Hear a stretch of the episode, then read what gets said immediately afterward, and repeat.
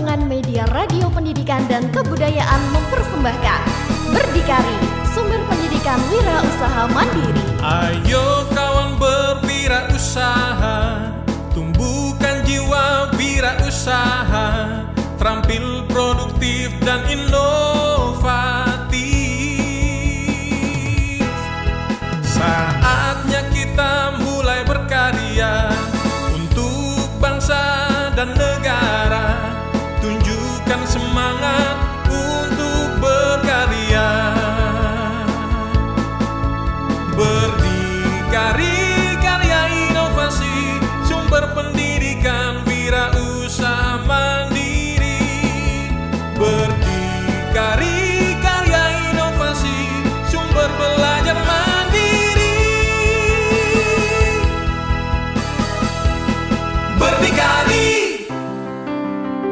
Keberhasilan dalam bisnis tidak lepas dari keberhasilan kita dalam menebar manfaat kepada orang lain. Sobat Mandiri, berjumpa kembali dalam program Berdikari, sebuah program penguatan mata pelajaran prakarya dan kewirausahaan untuk siswa SMA MA. Kali ini dengan judul Geliat Pengrajin Lokal Menembus Batas Global.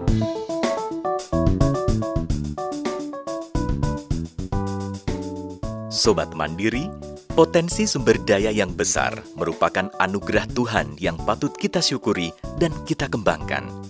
Tapi, sejauh mana upaya kita dalam memberdayakannya? Sungguh disayangkan bila potensi yang luar biasa malah tidak membawa kesejahteraan. Ada banyak peluang yang bisa kita manfaatkan sebagai jalan dalam memulai sebuah usaha. Salah satunya adalah menggali potensi lokal. Usaha jasa marketing kerajinan menjadi solusi dalam upaya memberdayakan potensi lokal menuju taraf yang lebih menjanjikan dan mampu untuk bersaing di kancah global. Nah, sobat mandiri, marilah kita simak perbincangan berikut ini. Hmm,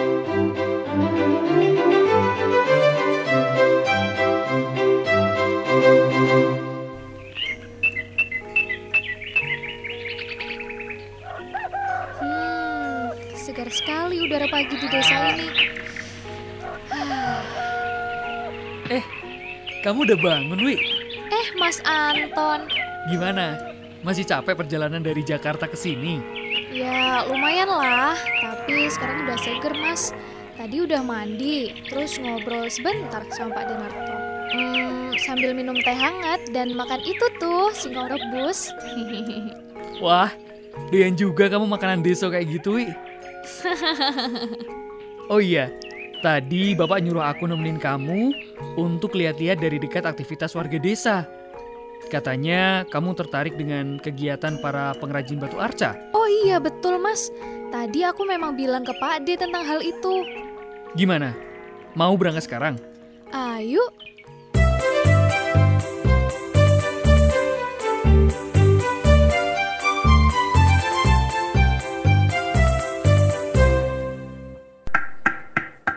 Nah, kita udah sampai nih, Wi. Ini adalah salah satu tempat di mana para pengrajin di desa ini melakukan aktivitasnya. Wah, luar biasa sekali. Dan hasil produksi mereka juga sangat cantik. Sungguh indah dan artistik.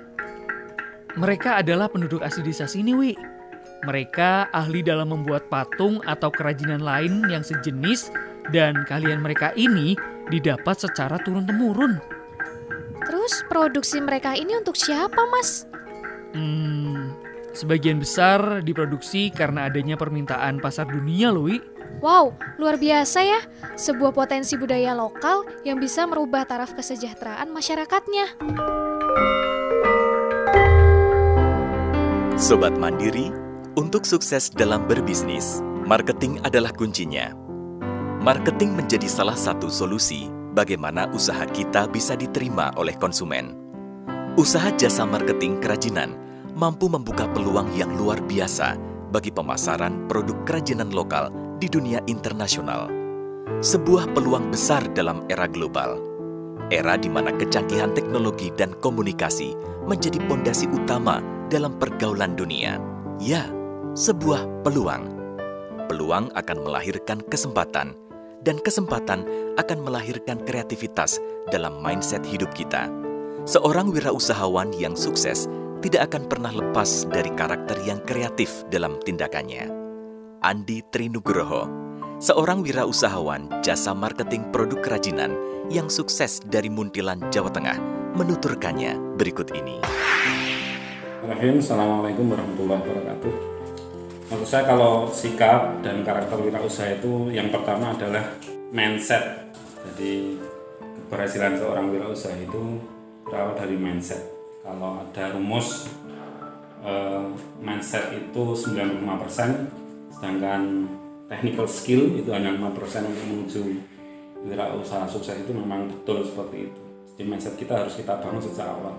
Jadi jadi wirausaha itu bukan kecelakaan karena tidak dapat kerja terus baru wirausaha karena apa namanya sekolahnya nggak lulus perguruan tinggi kemudian baru jadi wirausaha jadi mindset kita harus kita bangun.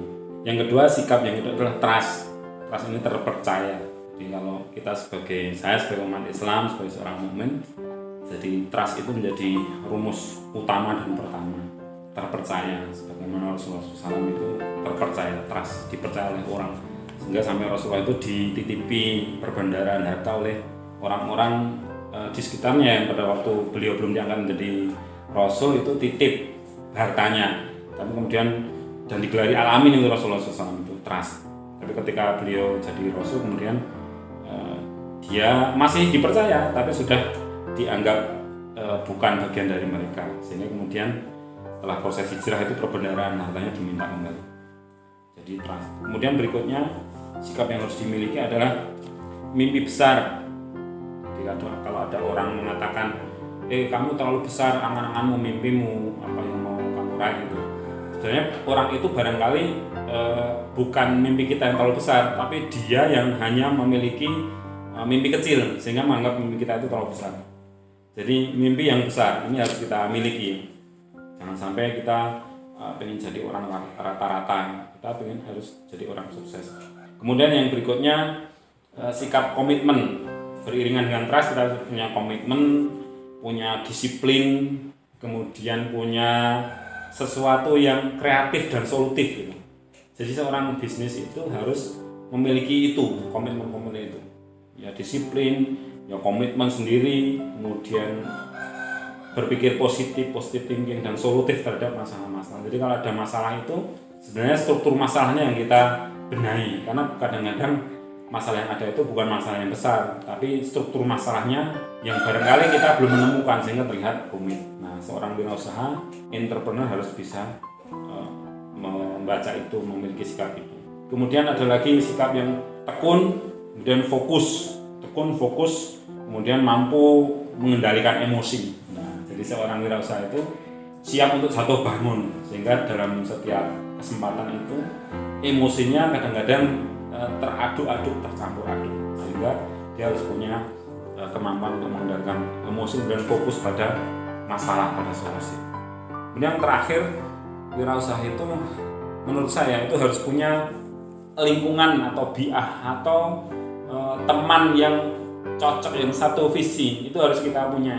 Jadi kalau ingin jadi wirausaha kok nggak punya lingkungan itu menurut saya sesuatu hal yang sulit ya meskipun bisa tapi sulit. Lama terbentuk itu sehingga punya lingkungan. Apalagi nanti punya coach punya pelatih dalam bisnis punya mentor itu lebih bagus lagi. Kayak Mike Tyson itu seahli apa pun dia juara tinju dunia kelas berat tapi dia punya pelatih. Ronaldo juga begitu.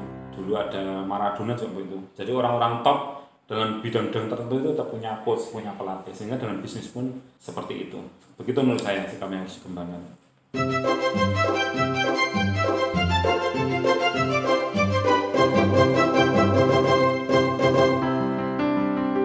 Ya, dukungan karakter wirausaha yang kuat akan mampu menjawab peluang yang ada.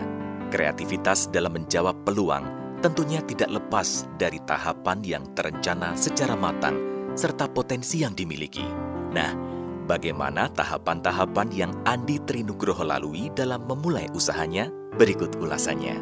Jadi, kalau kita mau mulai usaha jasa marketing, ya marketing apa pun ya, entah itu kerajinan entah itu apa pun tapi fokus saya di kerajinan. Yang pertama memang kita harus mulai membuat branding membranding produk apa yang mau kita jual kemudian di branding seperti apa. Itu penting ya karena branding itu nanti membuat uh, image kepada calon customer atau segmen pasar kita Kemudian yang kedua, setelah kita buat branding, kita juga perlu untuk membuat konten. Jadi konten itu menerangkan branding. Jadi kalau ada visi di situ ada misi. Misi itu menerangkan visi. Di konten itu menerangkan branding. Kemudian yang ketiga, yang penting kita lakukan sekarang ya, apalagi sekarang ini harus kita harus melek IT ya. Itu manfaatkan secara maksimal media. Nah, ini penting ya banyak media yang medsos media yang gratis ya media sosial. Itu yang memfasilitasi kita untuk bisa mengembangkan diri kita menjadi seorang entrepreneur apalagi sebagai marketing yang handal. Ini banyak media di situ baik yang berbayar ataupun yang gratis kita bisa ikut di situ. Kemudian kita rakyat kecil-kecil ya. Apa itu kecil-kecil kita memiliki riset riset pasar. Kemudian action dan kemudian kita bisa evaluasi. Nah hal-hal itu kita bisa gabung setelah itu dalam e, marketing kita bisa mengembangkan ya. Jangan sampai kita stuck atau berhenti pada marketing. Maka yang harus kita jadikan pedoman bagaimana kita mengembangkan marketing kita ya dari hasil evaluasi itu kita kemudian bisa mengembangkan. Mungkin dari segi marketing cost ya, karena ini juga harus diperhatikan ya. Jangan sampai kita terlalu tinggi membiayai marketing sehingga membebani betul usaha kita atau jangan sampai kita terlalu pelit terhadap membiayai marketing kita jangan sampai. Nah yang lagi tren sekarang adalah marketing langit. Ini barangkali yang unik ya. Marketing langit ini bagaimana kita memasrahkan bisnis kita itu dengan campur tangan Tuhan ya campur tangan Allah Subhanahu Wa Taala. Sehingga dalam setiap usaha kita di situ berperan eh, Allah Subhanahu Wa Taala untuk mempercepat kesuksesan kita. Ini penting ini harus kita jadikan pedoman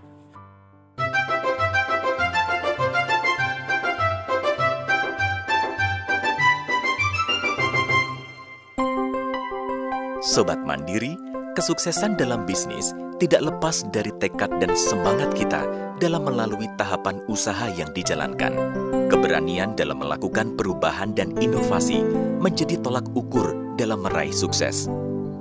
Bagaimana inovasi yang dilakukan dalam usaha jasa marketing ini? Berikut Andi Trinugroho menuturkan. Untuk mengembangkan inovasi jasa marketing, yang pertama kita harus menjadi pembelajar jadi membuat jadi menjadi pembelajar itu eh, sangat penting bagi seorang wirausaha. Kita tahu bahwa eh, teknologi hari ini sangat cepat ya, bergulir sangat cepat. Jadi jangan ma jangan malas untuk membaca, jangan malas untuk belajar, jangan malas untuk belajar kepada yang lain, kepada senior kita, kepada coach kita, kepada orang yang lebih sukses dari kita. Itu yang pertama belajar secara online itu sekarang lebih mudah. Kalau ada orang dulu yang sukses itu dia mengatakan begini, hari ini akan sangat mudah untuk sukses karena semuanya bisa kita dapatkan hanya dalam sekali tombol, sekali klik di HP kita. Kalau dulu orang itu mengatakan, kalau dulu saya harus cari buku tentang marketing ini, saya harus pergi ke suatu negara, saya harus pergi ke Singapura, saya harus pergi ke Amerika untuk beli buku itu, dan biaya ke sana luar biasa besar dan harganya buku sangat mahal Nah sekarang kita bisa klik dengan satu kali klik di gadget kita, di HP kita, atau di komputer kita. Bisa kita lebih murah, menghemat dan sebagainya. Jadi sebenarnya sekarang tidak ada alasan bagi kita untuk tidak menjadi pembelajar. Karena inovasi marketing juga luar biasa cepatnya. Kita tahu bahwa sekarang online macam-macam itu juga berhasil karena pembelajar, karena belajarnya orang-orang lebih cepat dari kita dalam hal-hal tersebut. Jadi yang pokok menjadi pembelajar dan terus memperbarui mindset kita agar kita lebih cepat untuk sukses.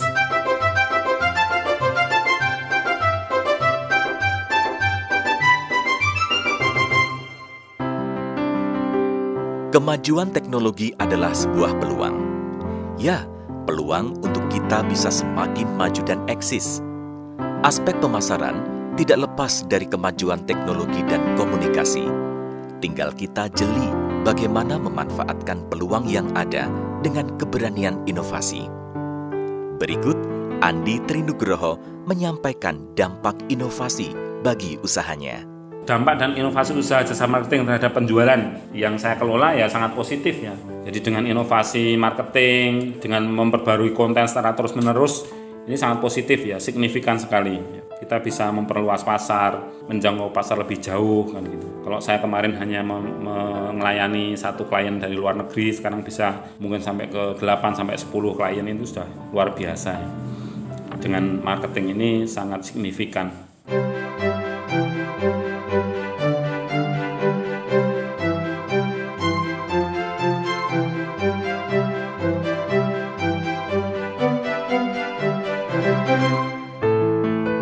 Sobat Mandiri, prospek usaha yang bagus tentunya akan didukung oleh pengelolaan usaha yang baik dan terencana. Untuk itu, manajemen menjadi elemen dasar dalam mencapai tujuan usaha. Berikut Andi Trinugroho memaparkan.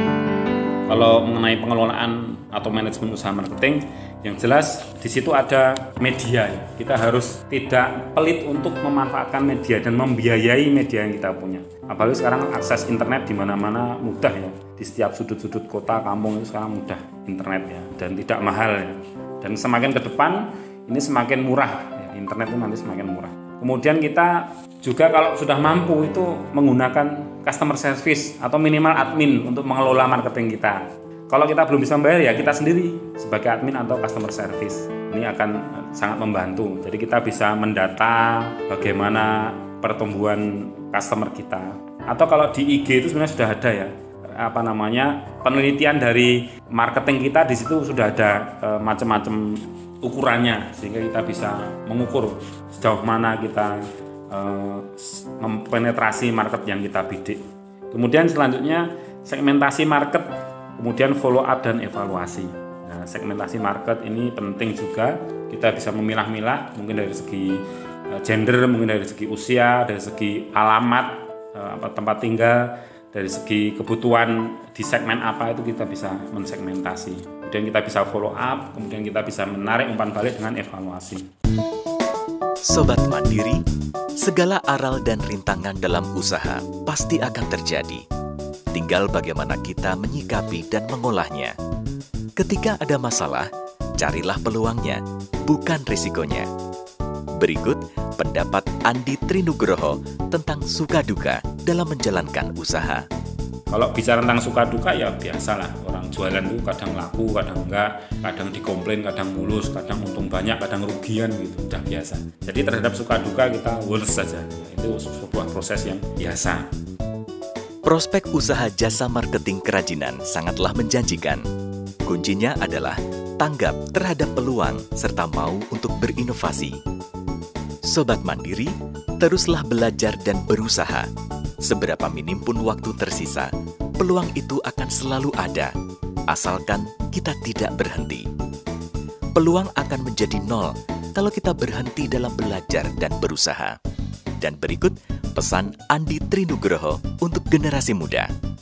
Menurut saya peluang terbesar untuk hidup itu sekarang dari segi wirausaha. Kalau kita dulu e, pengen lulus sekolah baru kemudian daftar kerja dan sebagainya, maka mulai saat ini kita mulai harus kita atur. Jangan sampai kita lulus baru nyari kerja.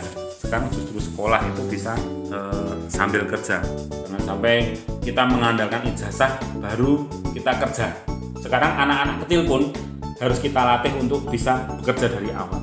Jadi wirausaha itu kalau dalam Islam itu eh, 9 dari 10 pintu rezeki itu ada dari perdagangan. Perdagangan is bisnis adalah wirausaha. Maka generasi muda yang sekarang saya harus mengatakan bahwa tidak ada kata lain kecuali kita harus menempuh jalan wirausaha untuk sukses. Negara maju yang ideal itu minimal punya 5 sampai 10% pengusaha. Nah, di Indonesia baru 2% yang jadi pengusaha kalau kita mau maju sebagai institusi negara ya kita sebagai generasi muda harus siap menjadi wirausaha wirausaha baru wirausaha wirausaha muda. Dan tentu ini mulainya dari marketing. Nggak mungkin tidak dari marketing. Maka selamat berlatih bagi wirausaha komitmen yang terakhir paling terakhir sebagai seorang wirausaha maka yang paling pokok adalah e, membuka atau meluaskan wadah meluaskan wawasan ya. Wadahnya diluaskan kalau kita lihat misalnya piring atau gelas itu hanya bisa menampung air sebesar gelas itu. Kalau diberi uh, air yang lebih maka dia akan meledak. Maka wadah kita mesti kita besar tidak hanya gelas tapi mungkin ember tapi mungkin bak mandi yang besar. Sehingga ilmu apa pun yang masuk akan kita serap. Rezeki apa pun yang masuk kita serap. Uh, kekayaan apa pun yang diberikan Allah kepada kita bisa kita serap. Dan kemudian kita bisa manfaatkan untuk kepentingan kita pertama kemudian untuk kepentingan orang lain manusia yang lain. Ingat visi bisnis itu adalah anfa'um linas jadi melebarkan manfaat kita kepada orang-orang lain di sekitar kita. Jadi jangan sampai kita berhenti pada bisnis kita kita akan berhasil sebagai bisnismen ketika kita bisa mengajak orang lain untuk sukses sebagaimana kita sukses kemudian kita menebar manfaat kepada orang lain. Demikian terima kasih Sobat Mandiri menggali potensi budaya lokal dan mengembangkannya dalam kegiatan ekonomi kreatif sekarang sudah menjadi sebuah tuntutan, bukan hanya himbauan pemerintah semata. Aktivitas pengrajin lokal perlu ditindaklanjuti dan difasilitasi dalam upaya meningkatkan kesejahteraan, sekaligus upaya pelestarian budaya nasional. Menjadi sebuah tantangan dan harapan besar agar pengrajin lokal bisa mendunia. Adanya tren masyarakat dunia akan produk kerajinan tradisional menjadi peluang untuk menciptakan pasar Usaha jasa marketing produk kerajinan menjadi solusi yang tepat untuk menjembatani para pengrajin dengan permintaan pasar. Dengan mengedepankan nilai kepuasan dan kepercayaan konsumen, maka dengan sendirinya akan menciptakan pasar yang lebih menjanjikan. Nah, Sobat Mandiri, demikianlah program Berdikari, sumber pendidikan wirausaha mandiri, produksi Balai Pengembangan Media Radio Pendidikan dan Kebudayaan Kementerian Pendidikan Kebudayaan Riset dan Teknologi. Sampai jumpa dalam program selanjutnya. Salam Mandiri.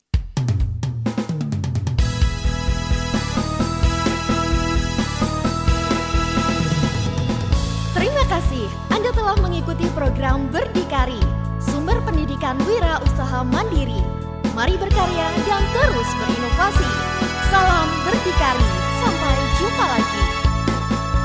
Berdikari karya inovasi, sumber belajar mandiri.